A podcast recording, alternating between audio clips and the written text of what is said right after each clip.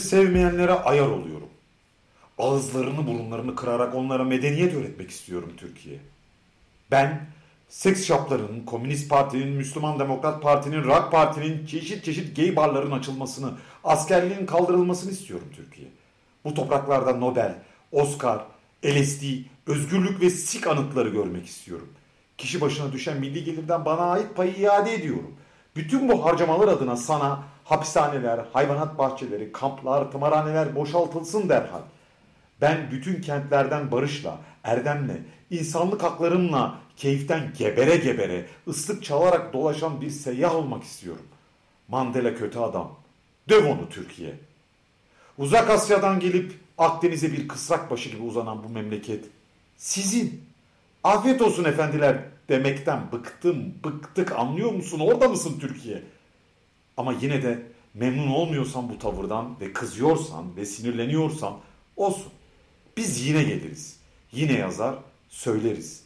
Ölürüz biz yine gideriz. Sen rahatını bozma o zaman. Güzel bir çocuk gibi bu şık dünya yatağında böyle masum, böyle mazlum uyu Türkiye. Tüm gebeş kaplumbağalara yağma ve zam altında Ankara'nın orta yerinden Londra'nın biraz da dışından hard kapitalizmin iki ayrı göbeğinden selam olsun. Herkesin bildiğini, söylediğini tekrar ettiğimiz, ifade özgürlüğümüzden sonuna kadar istifade ettiğimiz 15. fasıldayız. Ben Alexey Niliç Krylov, bugün Piotr Stepanovich Verhonovski ile birlikteyim. Nasılsınız sevgili dostum? Şiiriniz çok güzeldi yine.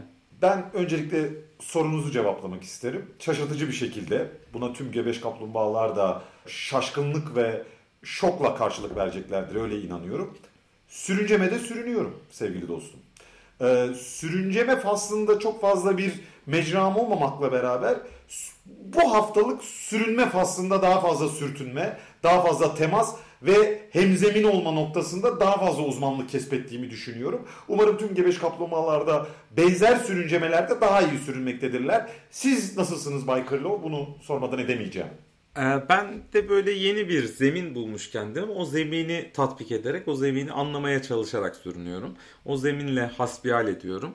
Salyangoz kardeşlerle merhabalaşıyorum. Ee, bu tarz bir sürünceme içerisinde hayatımızı sürdürüyoruz. Batı medeniyetinin göbeğinden kadim bir imparatorluğun hatta kimilerine göre güneş batmaz denilen imparatorluğun biraz merkezinin gettosundasınız anladığım kadarıyla öyle tarif çok, ettiniz. Çok da getto denmez ama e, evet tam göbeğin biraz dışındayım. Burada üstadım şöyle çeşitli zonlar var. Git uzaklaştıkça zon olarak artıyorsunuz. 6 tane zon var. Ben de 3. zonda bir yerde yaşıyorum.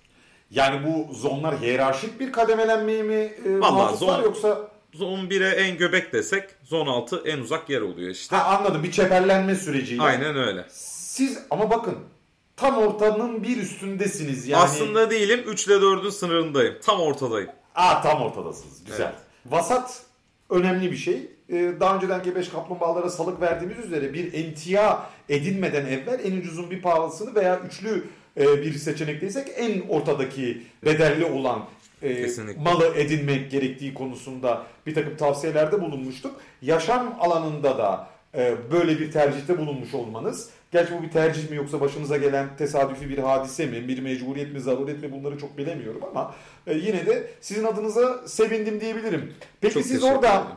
Şöyle bir şey yapıyor musunuz? Bunu gerçekten merak ediyorum. Ben özenirim filmlerde falan gördüğümde biraz da yadırgarım da. Yani bunu nasıl yiyorlar diye. E, çünkü sabahleyin kuru fasulye yenen bir ülkede yaşıyorsunuz şu an itibariyle. Yanında bir takım domuz pastırmaları, evet. göz yumurta, sunny side up diyorlar onu da. Yine siz intibak evet. edin diye bu tarz kelimeleri kullanın. Bol kullanın. kullanın. Aynen. E, yani bir gün yan yana geldiniz. Evet evet. Yani bir kahvaltı sipariş ettik olursunuz. Evet. Yumurtayı nasıl istediğiniz hususunda sunny side up. Yani nasıl oluyor? Birazcık Göz yanlış yumurta. vurguluyorsunuz ama e, ha, nasıl fena değil. Yani sizinki şöyle oluyor. Göz yumurta gibi oluyor. Ha. E, sunny side up. Siz Anladım. ne diyorsunuz? Sunny side up. Sanki bir Pokemon'muş gibi. Side up evet. Side up diyorum ben. Evet. O up'ı side up vardı. Belirteç. Anladım evet. Ee, güzel. Öyle. Yiyor musunuz? Yani şu ana kadar ki süreç şöyle işledi. Bu arada şu kuru fasulye olayı bir açıklık getirmekte fayda var. Tabi orada ispir kuru fasulyeyi bol tereyağlı bir kuzinenin içinde pişirmiyorlar. Oldukça oh. şekerli, tatlı bir fasulye olsa gerek kendisi. Lakin bunları yapmıyorum henüz. Henüz ilkokul çocuğu gibi attığım her adımı yeniden öğrendiğim, bir yere gittiğimde bir sipariş vermeyi yeniden öğrendiğim, toplu taşıma kullanmanın usullerini, kurallarını anlamaya çalıştığım, çöp atmaktan tutun da işte evde bir eksik olduğunda onu gidermeye çalışmaya kadar anahtarı kopyalatmak gibi şeyleri sıfırdan öğreniyorum. Sanki şey gibi üniversiteden böyle mezun olunca ilk işe girdiğinizde bir hayat kurmaya çalışırsınız. Öyle bir hal var. Tabii bunun için yaş birazcık fazla. O da biraz garip hissettiriyor evet, kendimi sizin ama. yaşınız epey geçkin. Beceri. Ee, hatta yani evde kalma sınırını dahi aştınız yani. O e, özel bir durumda.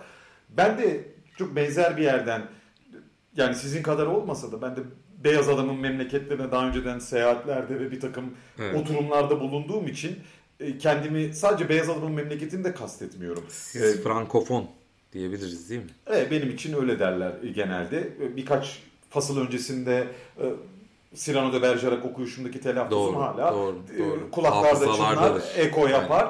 Ama e, ben başka bir yerden alacağım. Yani kendi memleketimiz satında da tanımadığım bir coğrafyaya gittiğimde bütün madde baştan aşağı yeniden teşekkür edince sanki onlar benden vareste ve benden önce de orada değillermiş de benim algım özlenim bilinci oraya temas edince var olmaya başlamışlarmış gibi şöyle bir hissiyata kapılırım.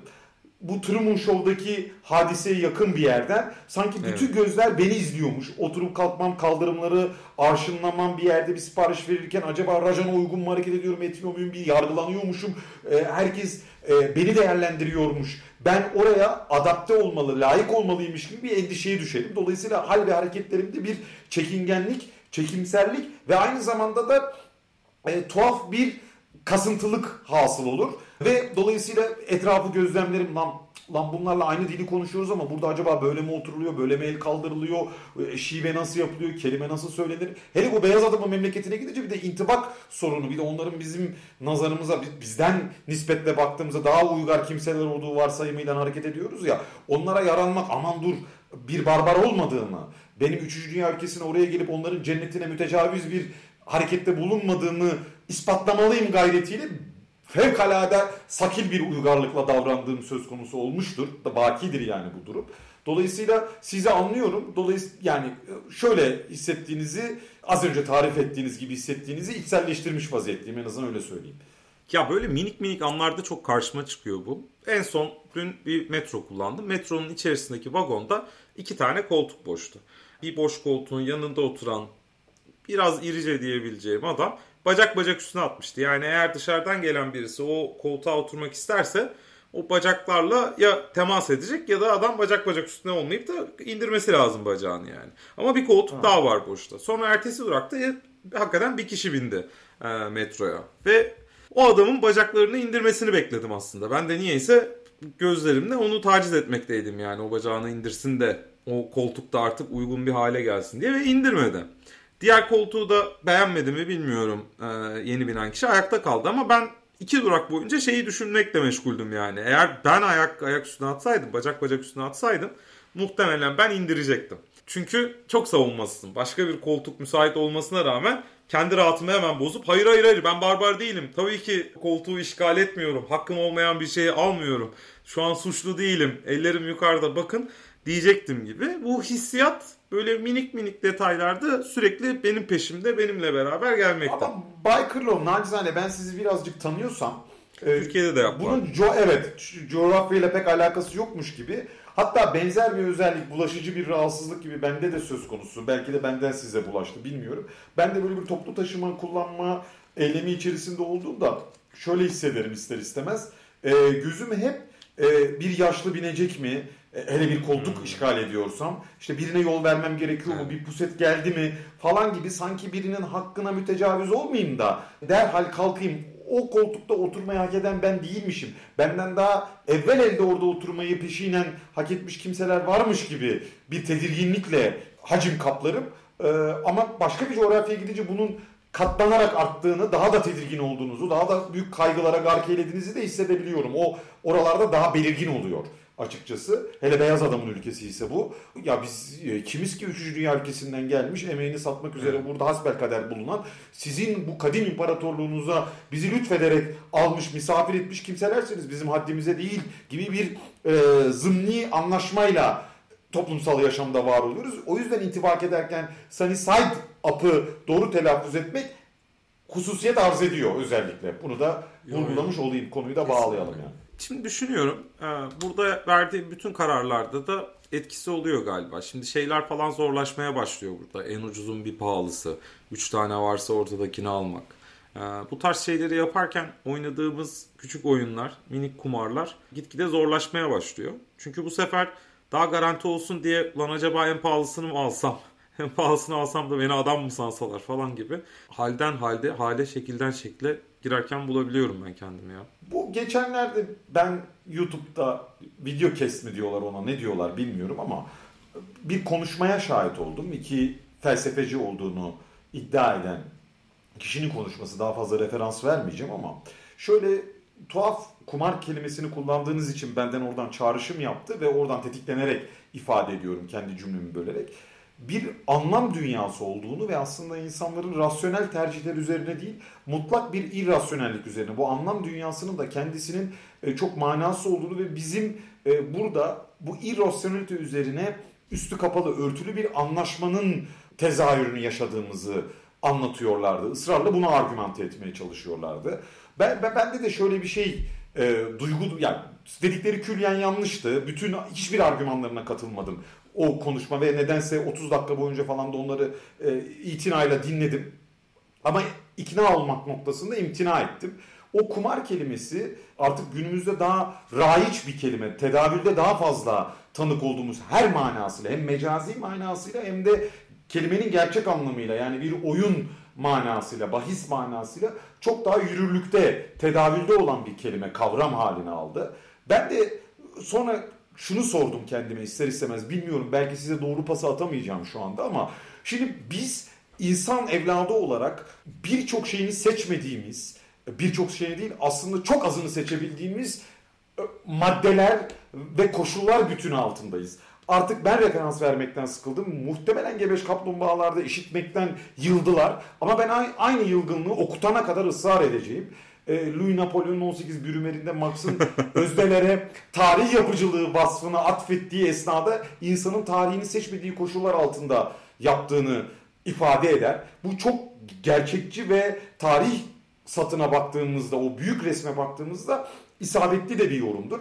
Ben bunu çok daha mikro ölçeklere biraz da vulger yıpratarak bu sohbeti biraz daha patikasına sokmak istiyorum. E bizler de insan olarak aslında dostlarımızı seçerken de mesela hangi verili koşullar altında seçiyoruz? Ya biz muhtemelen bir okulda okuyoruz ve orada edindiğimiz çevrelerde Ahmet Mehmet Recep Krilov oluyor. Ee, Ahmet Mehmet Recep'i atıyorsunuz onlarla aklınız uyuşmuyor veya paylaşımınız, emeğiniz, alışverişiniz daha az oluyor sosyal ve insani olarak. E Krilov'la daha fazla pekişiyor ve bina etmeye başlıyorsunuz. Ya bir tercih yaptıktan sonra ama Krilov'un ondan sonra yapacağı hatalara, ondan sonra yapacağı tercihleri siz doğrudan karar veremiyorsunuz. Ancak yani belirli oranda tesir etme imkanınız var. Ama Krilov'u dost olarak seçip emek harcadıktan sonra onun o paylaşımı, o damarlarını damarlarından bağlama noktasına geldiğinizde acılarında e, bütün menfi müspet sonuçlarıyla beraber üstleniyorsunuz. Bu da aslında onun çok kendisinin bizzati mutlak bir tercihin üzerine kurulmadığını bize açıklar. Ama biz her an her saniye şu tercihi yapıyoruz. Krylov yani bu sözün meclisten dışarı yani siz şu an karşımdasınız ve bu sohbeti sizinle beraber sürdürüyorum diye size örnek gösterdim. Her an her saniye sizle dostluğumuzu devam ettirip ettirmeme bahsinde ardışık tercihlerde bulunuyoruz. Doğrudan olmasa bile dolaylı tercihlerde bulunuyoruz ve dönüşmeye, dönüştürmeye, temas etmeye tekrar devam ediyoruz. Yani mesela sizin şu an orada bulunmanız, yani bir finans kapital merkezinde 3. zonda göreceği merkezin daha çeperinde yaşam standartınızı belki düşürerek Side Up sipariş etmenin arifesinde bulunmanızı da açıklarken ardışık yüz binlerce tercihin bir tezahürü olarak bunları yorumlayabiliriz. Ama bu tercihler hangi sonuçlara erişmek için hangi bilinçle, hangi koşullar altında verildiğine dair muntazam bir muğlaklık söz konusu.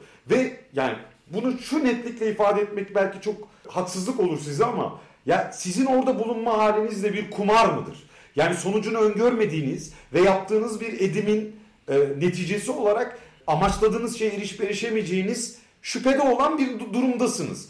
Belki neyi amaçladığınızı da bilmiyorsunuz. Burada bir irrasyonelite mi var yani bu hikayenin neticesinde?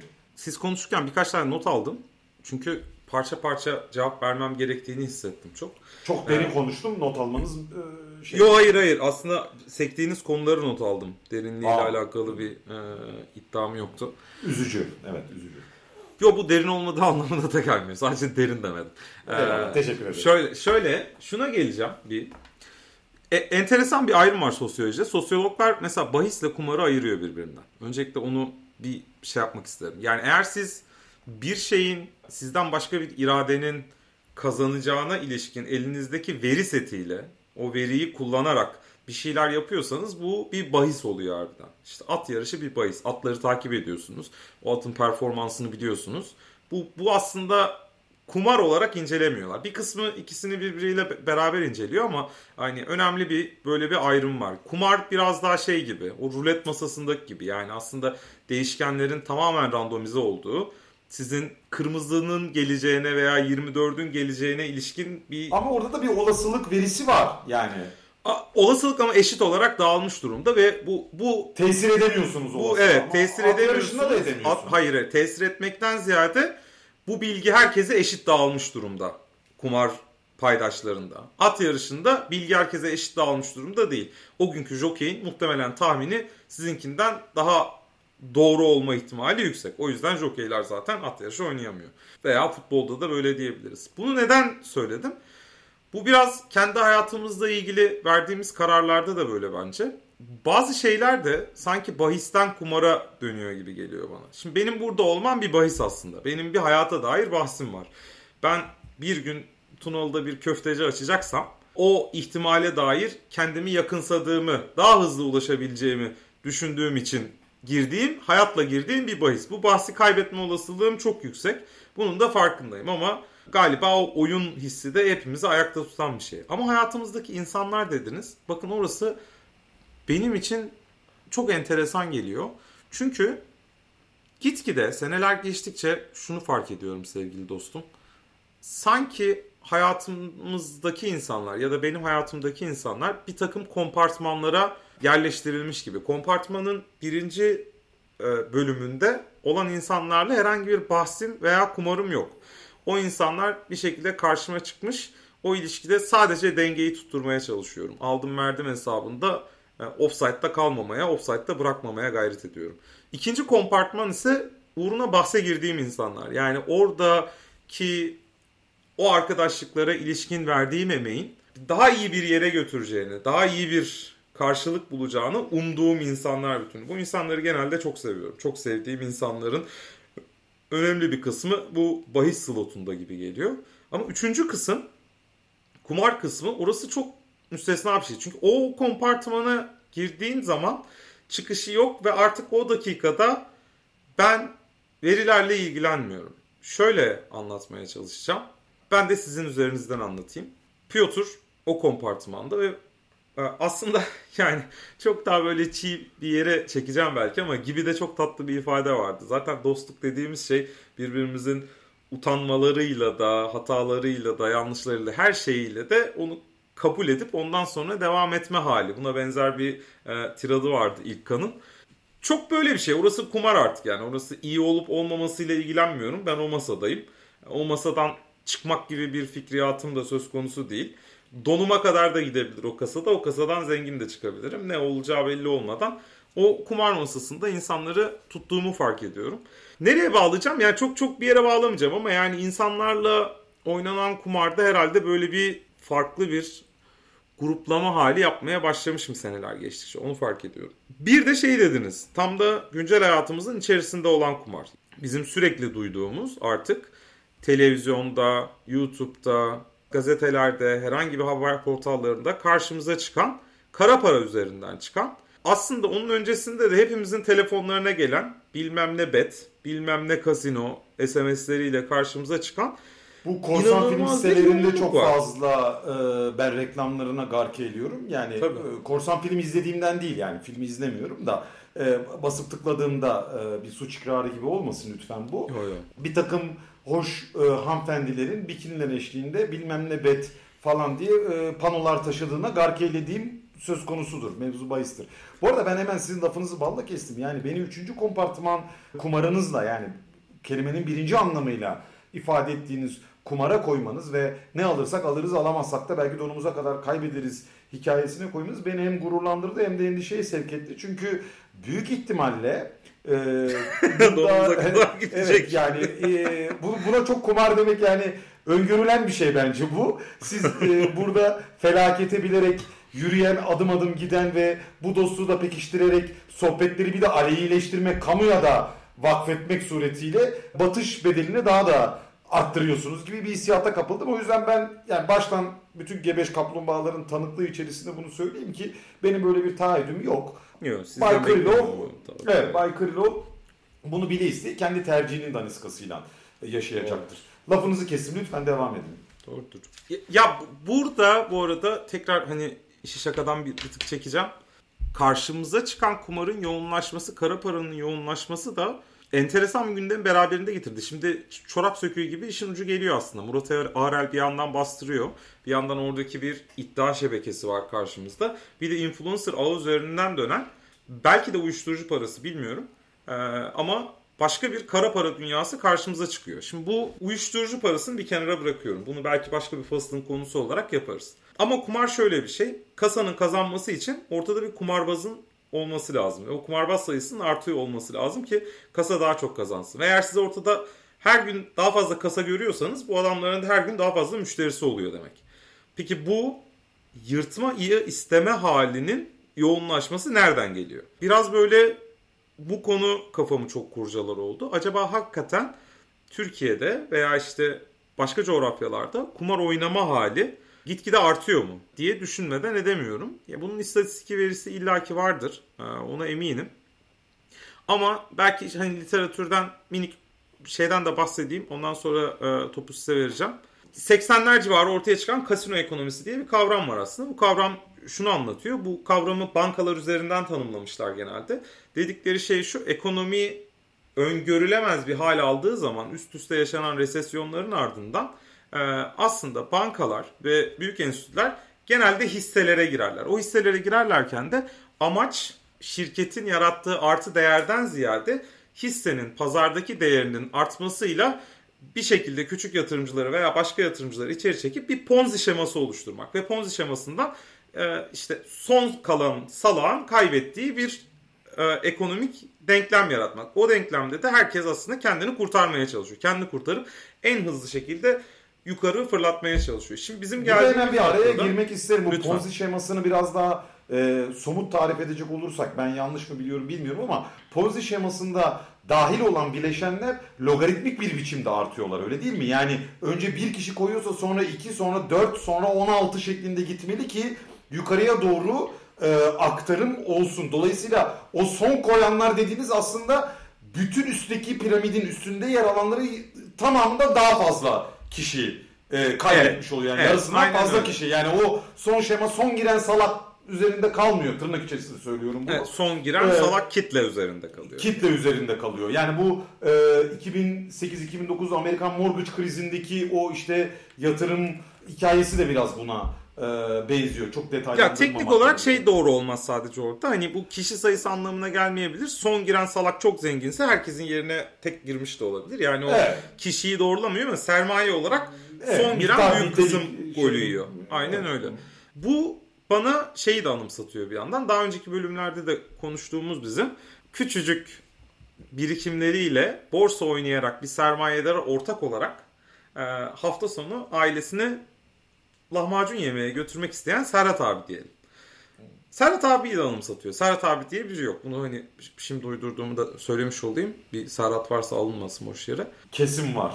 Bu böyle söylediğiniz için. Bu, bu, bu bana artık şey geliyor. Yani herhalde yolun bittiği yerdeyiz. Yani insanların o kadar ümidi kalmamış durumda ki kendi emekleriyle hayata tutunabileceklerine veya bir yere gelebileceklerine, bir şeyler başarabileceklerine o kadar ümitsiz vaka ki bu durum. Bir şekilde o kasino ekonomisi aslında küçük dünyalarında, mikrokozmozlarında vatandaşların da gerçeği haline gelivermiş durumda. Nasıl olur da buradan bir bilinçlenme harekatı çıkar bunu çok düşünüyorum. Yani ya acaba bilinçlenmeye ihtiyacımız e, var mı sorusunu bence sormalıyız. Çünkü bu tarz bağlamlara kendimizi soktuğumuz zaman e, genelde gebeş kaplumbağalardan tepki alıyoruz.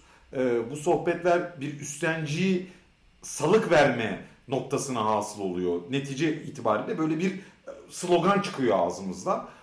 Ama çok fazlasıyla size katılarak ve içselleştirerek söylüyorum. Şimdi bu tüzel kişilerin bileşenliğini yapmak yani bu, daha doğrusu şirketlere, e, halka açık şirketlere borsa oynamak yoluyla bunların belli bir hissesini alıp ortak olmak yine tırnak içerisinde söylüyorum. Bu tüzel kişilikler dediğimiz şeyler yani karşılığı hükmün şahıslar.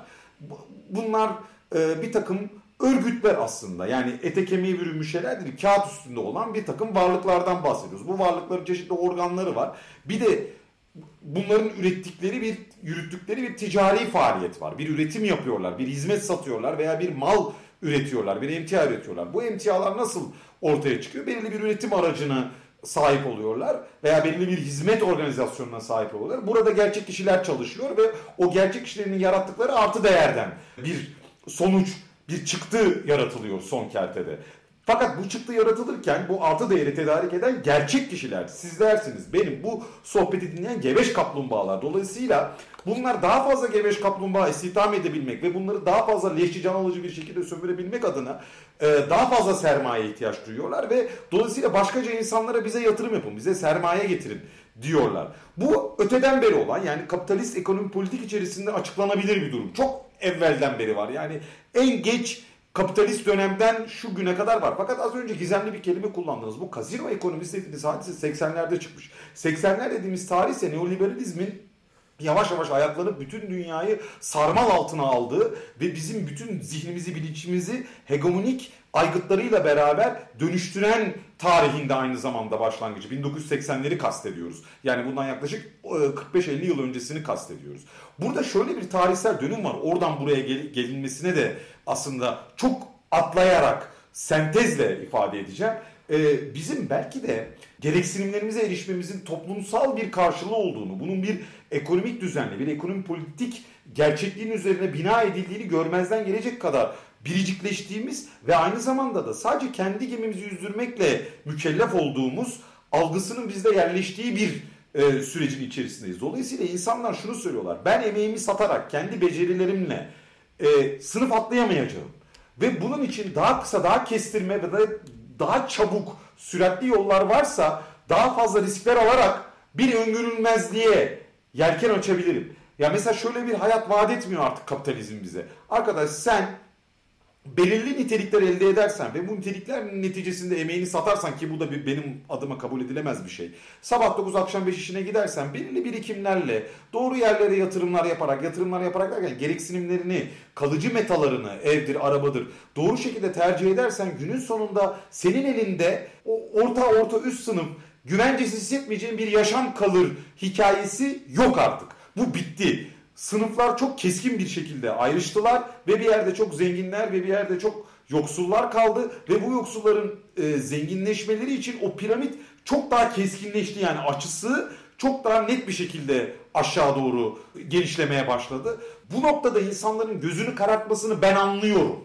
Bu anlam verilebilir bir şey. Ama şunu mutlak söyleyeyim sonuç alınamaz bir şey. Yani oynanan her oyun o kumarın, o bilinmezliğin tutsağı olup biraz daha nemalanma motivasyonu son kertede günün sonunda müthiş bir hayal kırıklığıyla neticelenecek. Burada aslında Dostoyevski'nin kumarbazına bağlayıp birkaç böyle derin cümle etmek istiyordum ama lafı çok uzattığım için ee, yo yo belki oraya yine geliriz de ben sadece şimdi kim demiştik Salih abi mi demiş Salih abi dememiştik. Serhat dediniz. Serhat abi demiştik.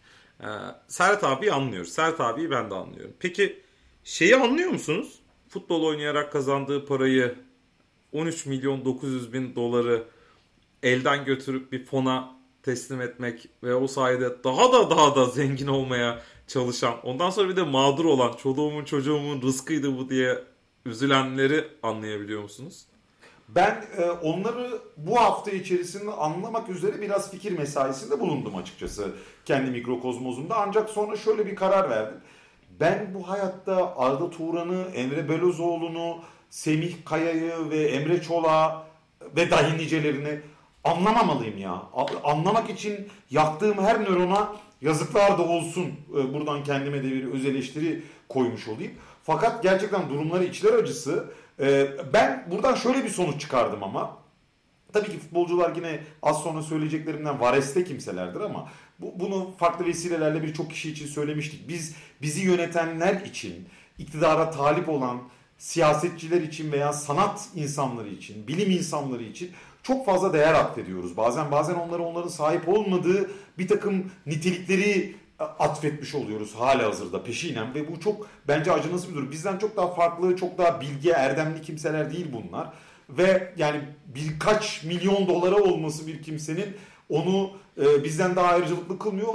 Çok daha salakça kararlar, çok daha aptalca, ahmakça laflar edip bunların da arkasında durabiliyorlar e, ister istemez. Ben ama şeye ee, bağlamak istemiştim. Yani burada şuradan okuduk o kumarbazlık halini. İnsanların çaresizliği üzerinden okuduk. Yani insanlar dedik ki çok hani, çaresizler ve kapitalizm ilk premisini bile aslında sunamıyor şu an. O hale gelmiş durumda. Ve bu dünyada bu insanların sınıf atlamak için yaptığı bir takım çok da mantıklı olmayan hatta belki gayri ahlaki olan davranışları bir anlamak mümkün. Peki aynı dünya içerisinde 13.9 milyon dolarınız varken bunu yapmak ve yani burada şöyle gelirler söz konusu. Bu yüzden yani bunu tabii bir insan üzerinden okumak belki hatalı olacaktır ama aslında yani aynı güdü burjuvaz, burjuvazinin içerisinde de yok mu? Ben onu merak ediyorum. Çünkü kasino ekonomisi dediğimiz kavramda işçi sınıfından veya ekonomik olarak zorluk yaşayan sınıflardan türemiş bir kavram değil. Size bahsettiğim üzere ilk kavram zaten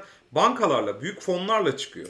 Büyük fonlar bu ortamlarda kendilerini daha avantajlı yani krizi fırsata çevirmek diye bir kavram var ya. Tam olarak yapılan şey bu. Büyük firmalar, büyükler krizi fırsata çevirmek istiyor.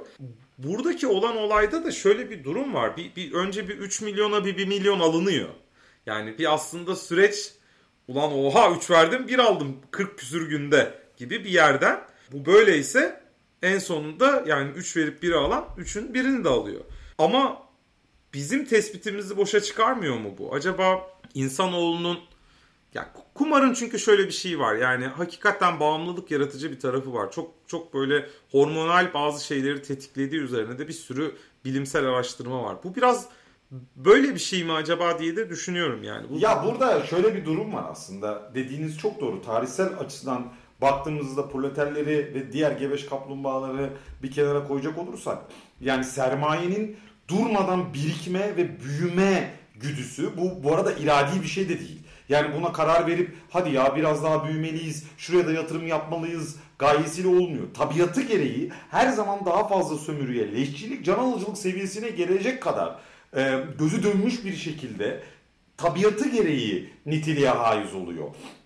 Dolayısıyla Arda Turan'ın da 13 milyon dolarım 13.9 pardon yani 14 diyebiliriz. 14 milyon dolarım var abi bana karada ölüm yok. 7 sülaleme 7 nesil boyunca yetecek bir para kazandım ve yaşam standartım her seferinde en yüksekte en iyi yerlerde yiyerek içerek yaşamımı idame edebilirim deyip bir doyuma erişmiyor. Hemen daha fazla büyümeliyim diyor. Bunu aslında Arda Turan'ın o cahil aklıyla sadece top teperek eriştiği bir şey bunu küçümseyerek de söylüyorum bir yerde. Yani hayatını sadece 12-13 yılı çalışarak belki bizim gibi e, emeğini satarak para kazanan binlerce insanın erişemeyeceği bir servete erişmiş olabilir. Ömrümüz boyunca çalıştığımızda erişemeyeceği bir serveti kastediyorum. Fakat bunu Burjuvazi hala hazırda sürekli bir şekilde yapıyor. Yani milyarlarca doları olan bir şirket başka bir yatırım yaparak bu milyarları 10 milyarları, 10 milyarları 100 milyar dolarları çıkarmak gayesiyle gözü dönmüş bir şekilde çok daha büyük e, bedelleri ödemeye ve bedelleri ödetmeye razı gelebiliyor. Yani mesela o, yani Arda Turan'a kızıyoruz ama Elon Musk'a kızmayacak mıyız? Yani sonuçta o bize bir takım teknoloji aygıtları ve bir takım hizmetler sunuyor diye onu aklayacak mıyız? Orada sadece tabii biraz ahmaklık olmadığı için biraz daha bilimsel ve ne bileyim teknolojiyi kullandığı için inovatif bir şeyler olduğu için belki onu içselleştiriyoruz ama orada yapılan edim olarak o gözü dönmüşlük e, Elon Musk'ta da mevcut. E, buradan kendisini de uyaralım. Aklını başına devşirsin o da bir gün yargılanacak. Ama yani son kertede zaten sermayenin doğasında olan bir şeyden bahsediyoruz. Ve sermaye kendisini 40 gün için %25 kar getiren herhangi bir operasyonu ne pahasına olursa olsun sürdürmek ister. Buradaki sadece bizim bağlamamız uygun olarak oynanan bir kumar var. Yani bizim elimizde bir veri, somut bir öngörülebilirlik yok. Bunun nereden geldiğini, hangi işlemler ve tatbikler neticesinde o paranın artırıldığına dair bir akıl yürütme. Bundan yoksun bu operasyon ve yani dolayısıyla hani üzülmek elden gelmiyor yani. Beter olsunlar diyorsunuz ama bu artık mutat bir uygulama olduğu için irili ufaklı ya bunu 3 lirası olan adam da yapınca e, buradan bir akıl çıkarıp başka bir hadiseye bunu devşirmek zorunda kalıyoruz ve dolayısıyla buradan e, Arda Turan 13'ünü 14 yapar onu kaybeder tekrar kazanır. Yani Arda Turan bu parayı tekrar kazanır. Ama sen ben Serhat abi kazanamayacak. Serhat abi bunu yapmak için çok da hayatını zor durumlara sokacak. Belki de işte Dostoyevski'nin kumarbaz karakteri Ivanoviç'e öz yıkıcılığa bizim yaptığımız bu tarz mikro yatırımlar çok daha yatkın. Biz eğer 4 koyup 1 kaybedersek, 3'e geri dönersek o 1'i telafi etmek için çok daha fazla emek satmak, yaşam koşullarımızdan çok daha fazla ödün vermek zorunda olacağız. Şu laf vardır ya azdan az çoktan çok gider. Bu hiç doğru değil. Azdan az gittiği zaman aslında o görece çok daha büyük çok, ve zararlı sonuçlar doğuruyor. Çoktan mesela 100 milyon doları olan bir adamdan 50 milyon dolar giderse o adam yaşam standartını kaybetmeden aynı evde oturarak, aynı arabaya binerek, çocuklarını aynı okula yollayarak, aynı restoranlara giderek yaşamını devam ettirebilir. Dolayısıyla onunla bir empati yapma zorunluluğumuz yok. Ama bizim bizlerle sınıftaşlarımızla yapmak zorundayız. Ee, biz oynadığımız kumarın bedeli bizler için çok daha ağır ve aynı zamanda bizi kendi biricikliğimize de hapsediyor. Üç günümüzü, beş günümüzü kurtaracak sonrası çok daha vahim yerlere gidecek. Bir şeye çok mutluyum. En azından kumarbaz referansını sizin ağzınızdan alabildim. Şu evet, beni çok vallahi. korkutuyor ama e, onu da söylemeden geçemeyeceğim. Tam da dediğiniz gibi Burjuvazinin bu aç gözlüğü artık yani sadece kendinden çok gittiği de kaybetmesin ondan daha çok gitmesi üzerinden değil ya da kendi servetini katlamak için yaptıkları üzerinden değil ya da bir sermaye birikim teorisi üzerinden değil bizzati olarak işçinin ta kendisine de artık hedef gösterebilir hale geliyor. Ee, nereye bağlayacağımı tahmin ettiniz diye düşünüyorum. Yine geçtiğimiz hafta içerisinde çok sevgili burjuvazimiz ülkemizin gayri safi milli hasılasının %7'sini yapan Koç Holding'in de Fahri Başkanı diyebileceğimiz artık Rami Koç'un bu devlet aslında 2 milyon kişiyle de idare edilir. Meclis 600 kişi aslında 200 vekille de idare edilir. Ee, sözlerine bas sözlerinden bahsediyorum. Ben bir yere bağlayacağım bunu. Şöyle bağlayacağım. Şunu hemen okuyoruz zaten öyle değil mi? Yani bu burjuvazi açgözlülüğünü hemen okuyoruz. Yani şunu demiyor. Ben pastadan hangi, hangi payı alıyorum acaba? O 5 milyon kişi hangi payı alıyor bu pastadan? O 5 milyon kişi nasıl bir yaşam şartıyla yüzleşiyor vesaire gibi Buraya hemen hemen girerim. Hemen buranın üzerinde tepinebilirim. Ama benim tepineceğim başka bir yer var. Hmm. Yine yine yine birçok gebeş kaplumbağadan şey gördüm. Adam haklı ya. Hakikaten devlete gidiyorum herkes yatıyor. Sistemleri kilitlenmiş bilmem ne. İşte hakikaten 2 milyonla döner. Ya ben bu gerizekalılık halinden inanılmaz yoruluyorum artık. Yani gerçekten artık adına başka bir şey diyemiyorum. Bu bu bu ger bu bu bir aptallık hali çünkü bu e, sanki böyle mainstream olan bir fikrin arkasına takılmayıp e, veya işte hemen akla gelen tabii ki doğrusu bu değil dememiz gereken bir fikrin arkasına takılmayıp bir tık daha böyle kendimizi ifade edebileceğimiz ya da işte kendimize bir karakter biçebileceğimiz bir yere geçtiğimizde bir ödül mü veriyorlar acaba? Yani onu merak ediyorum. Yani bir, bir, bir hediyesi mi geliyor onun? Yani bir yerden bir madalya mı takıyorlar acaba? Yani bir burjuvanın ağzıyla konuşulduğu zaman evet ya hakikaten devlette şöyle olurdu bu kadar az kişiyle olurdu dediği zaman ne kazanılıyor? Bunu çok merak ediyorum. O yüzden yani şunun basitliğiyle mi açıklamalıyız bilmiyorum. Yani bu bu dev, bu, bu devletin vatandaşlarını yaşatmaya dönük sorumluluklarıyla başlamalıyız yoksa ulan Rami Koç'un sadece sadece affedilen vergileriyle neler yapılabilir diye bir sormamız gerekmiyor mu yani? Hani acaba ilk aklımıza gelenin bu olması gerekmiyor mu? Bu herif donunu aldı lan senin. Ya bu herif seni dövdü dövdü boğdu boğdu duvara attı anladın mı? Bu herif senin anneannenin doktorda Sevgili sıra beklemesinin hedefi yani. Sevgili Bay Krylov hiç öyle denir mi? Bu adam kaç kişiyi istihdam ediyor, kaç kişiye ekmek bahşediyor biliyor musunuz? Bu adam dediğiniz Rahmi Koç tabii şimdi biz yine müthiş yozlaşmış ve bütün değerlerin alt üst edildiği bir dünyada konuştuğumuz için Rahmi Koç'dan bahsediyor. Sanki onun şahsen böyle bir yüce gönüllülüğüyle e, bunu e, bu imkanları sunmuş gibi bir bilgiyle hareket ediyoruz şu anda ve o verinin üzerine bina ediliyor az evvel söylediğiniz yadırganacak argümanlar. Halbuki Koç Holding diye bir hükmü şahıstan, bir tüzel kişilikten bahsediyoruz. Ee, aynı zamanda bu tüzel kişinin bir takım e, üretim aygıtları, üretim araçları var ve bu üretim araçlarının sadece mülkiyetine sahip olduğu için bu organizasyon şemasını kendi kurduğu için orada çalışıp emeğini satıp oradan gelen artı değer üreten gerçek kişileri orada yıllar boyu çalışmış bütün işçileri bunu muhtaç olduğunu ve bu lafları söylemek için fırlarını takıp gömleğini giyip üstüne bir İngiliz ceketiyle arkasına yaslanıp verdiği röportajdaki bilgeliğe nasıl eriştiğini hiçbir şekilde sorgulamıyoruz. Ben burada kibirli bir yerden kendime referans vererek söyleyeceğim. Konuşmanın, bu sohbetin birkaç dakika öncesinde söyledim. Bu insanlar muteber, bilgiye ve erdemli kişiler değiller. Dolayısıyla bunların söylediklerini o kadar ciddiye almamak lazım.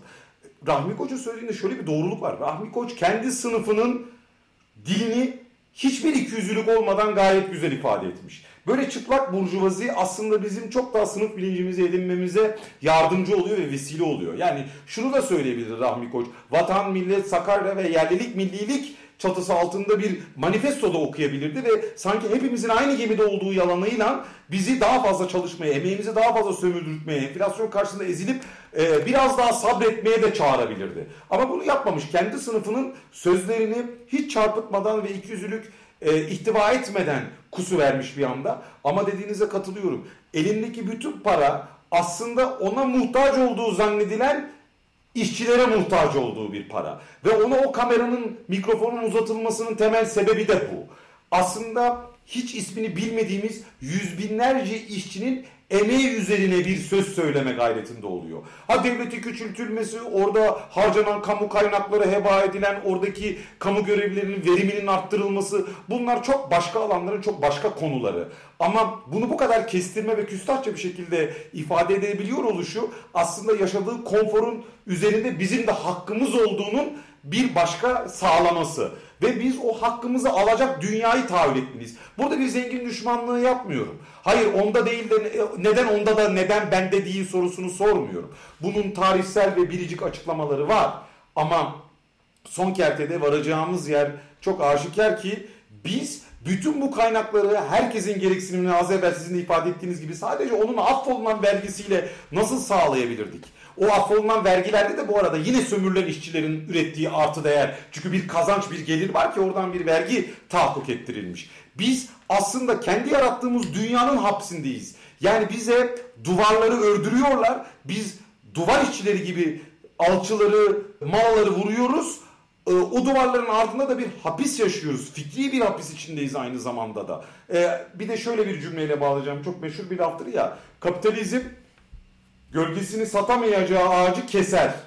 Dolayısıyla bu kadar gözü dönmüş insanların tutup da böyle ülke politikası hakkında yalılarından seslenmeleri sokakta, otobüste emeğini satmaya giderken bir sürü zorluğu göğüsleyen insanlar yerine geçebilmesi benim çok daha e, canımı sıkan taraf aslında. Ve bizim sözlerimizin çok çok çok çok çok daha doğrudan ve vurucu olması e, gerekli.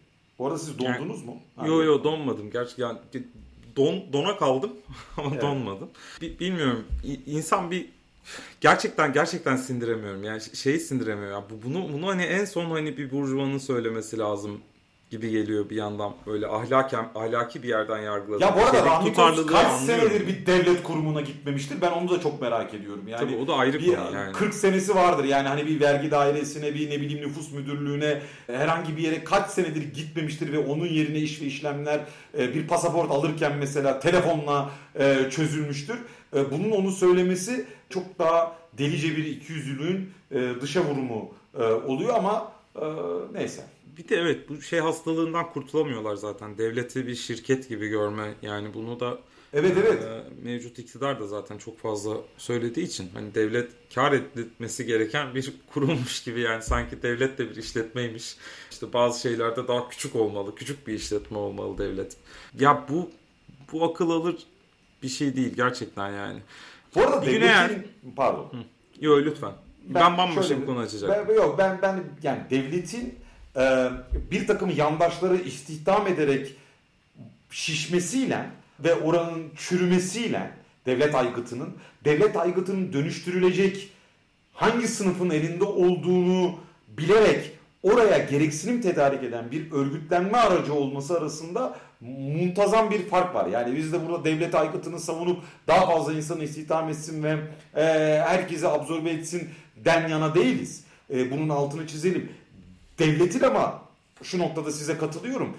Bana borçlu olduğunu bilerek hareket etmek benim devletten alacaklı olduğumu bilerek oraya seslenmek ve benim ona bir şeyi ispatlamam gerekmediğini, benim ondan alacaklı olduğumu bilmek e, ciddi bir fark yaratıyor. Rahmi Koç'tan burada zaten ontolojik olarak ayrılıyoruz. Sadece fikirsel olarak değil. Ya bence bence zihninde şöyle bir şey var. Yani o, o hani bir insani varlık var. O o hayatını yaşamaktadır. Ee, yemektedir, içmektedir, sıçmaktadır.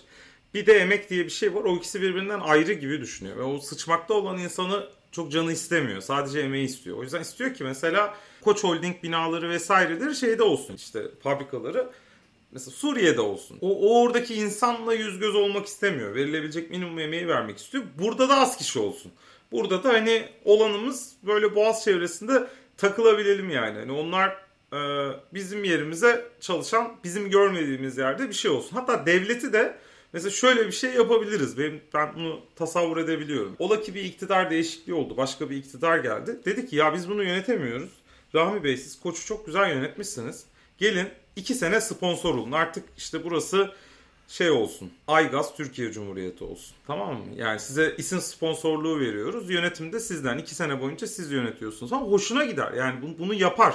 Ve e, evet hakikaten bazı şey bir anda şey görürüz. Vergi dairemiz Pakistan'da açılmış falan. Böyle şeyler görebiliriz yani. Ve bu, bu onun hayal gücünde, onun hayal dünyasında bunlar rezone eden şeyler. Hayatı Ama böyle okuyor zaten. yaşadığımız toplumsal düzen de mevcut siyasal iktidarın aslında cevaz verdiği ve talip olduğu bir fikirden bahsediyoruz. Biliyorsunuz bu Türk tipi Cumhurbaşkanlığı hükümet sistemini pazarlarken e, Recep Tayyip Erdoğan şunu söylemişti. Buranın bir şirket olduğunu düşünüyorum ve ben de CEO'su olacağım bunun demişti. Yani siz aslında bir CEO yetkileri veriyorsunuz ve bütün sermayeyi, bütün bölüşüm ilişkilerini ve üretim ilişkilerini ben tek elden düzenleyeceğim.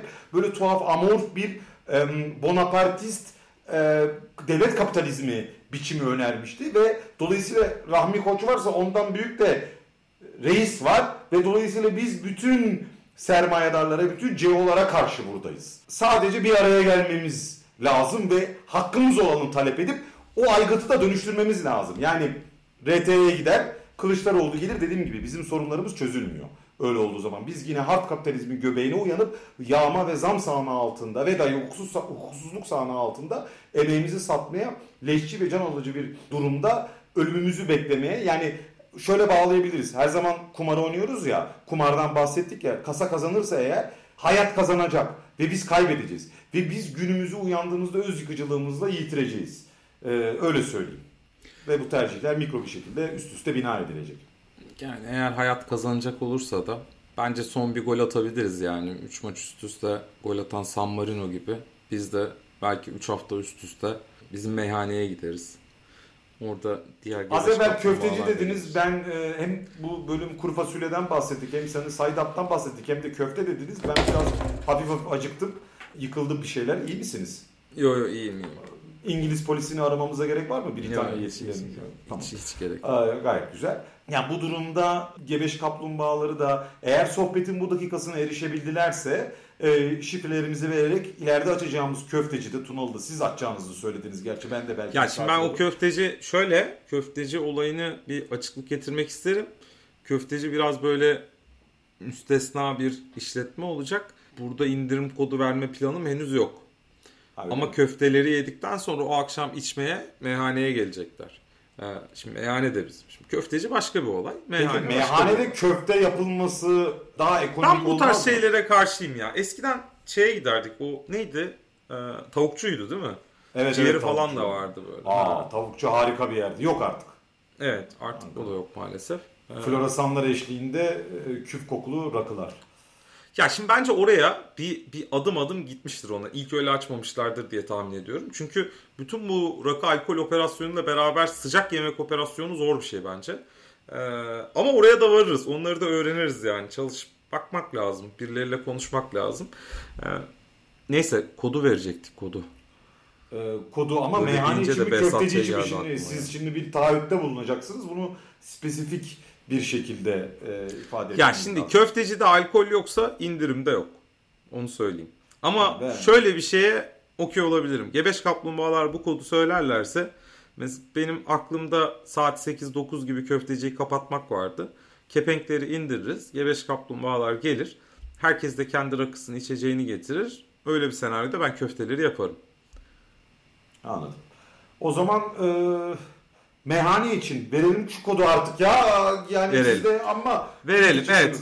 Geldiğiniz zaman arkadaşlar beleş kaplumbağa veya garson size nasılsınız dediğinde sürüncemede sürünüyorum dediğiniz takdirde ücretsiz olarak meyhanemizden faydalanabileceksiniz. O günkü hesabınız bizden olacak. Ama bir tabii fotoğrafınızı falan çekeceğiz yani. Öyle her gün her gün de aynı kodla olmaz. E, kaldı Bir kere. ki şöyle bir durum var. E, bence çok ondan ürkmeyin derim ben size. Şu an dinlenme rakamlarımıza bakıldığında gayet tolere edilebilir bir gebeş kaplumbağa kitlesine hitap ediyoruz. E, dolayısıyla bırakın gönlünce insanlar sürüncemede sürünsünler ve bunu garsona itiraf edebilsinler ve rakılarını içebilsinler. Sevgili Bunun dostum. kayıtlı olması birazcık beni geriyor da işte şimdi dinlenmiyorsa da ileride dinlenirse başımıza bela olur bu yani. O tarihsellik böyle bir şey. Bugün 3 kişiyiz, yarın 5 kişiyiz. Her zaman çoğalmaya teşneyiz. Sonuçlarına katlanacağız o zaman. Evet. Tamamdır. Bir saate yaklaştık yine. Yavaştan toparlıyorum ben. Ee, son sözü yine size vereceğim sevgili dostum. Bugün önce kendi oynadığımız kumarlardan, e, sonra o kumardan, sonra gebeş kaplumbağaların içinde bulunduğu kumarlardan, burjuvaziden, onların oynamadığı kumarlardan ama oynamış gibi yaptığı kumarlardan bahsettik. Can hala içeride. Söylemesek olmaz. Herhalde her bölümde adını geçireceğiz burada. Orada da birileri kumarlar oynuyor ama kaybeden niyeyse biz oluyoruz. Kazanacağımız günlerin umuduyla diyeyim ben. Sözleri de size bırakayım. Bunu bir fasılda daha açıklamıştık. O tokadın hesabı bir gün mutlaka sorulacak ama bir gün mutlaka değil. Burada bir hesap sorma başlığıyla değil ama biz Dostoyevski vari öz yıkıcılığımızla hayatımızda irili ufaklı kumarlar oynasak da şunu ifade etmek isterim ki e, Dolunay her ay geliyor ve gecemizi aydınlatıyor. E, İlla ki tarihte bizim irademizle yaratılacak aydınlanmaların eşiğinde şu anda. Eğer ki bir pazartesi sabahı emeğinizi satmaya giderken veya herhangi bir akşam dönüşte yorgun ve bitkin bir şekilde bu sohbetimizi dinlediyseniz ümit bitmemiştir. Bir gün elbet kazanacağız. Bir gün elbet hesabını da soracağız. Ee, can da çıkacak. Ee, artık o kadar çok adını geçirdi ki kendisine ismiyle hitap etme e, hakkını kendimizde gördük nedense bilmiyorum. Ben de sizin şeyinize ayak uydurdum. Affına sığınıyorum. Evet affınıza sığınarak diye de buradan kendisine seslenirim. Görüşmek üzere o zaman tekrar. Sevgiler, saygılar. Hoşçakalın.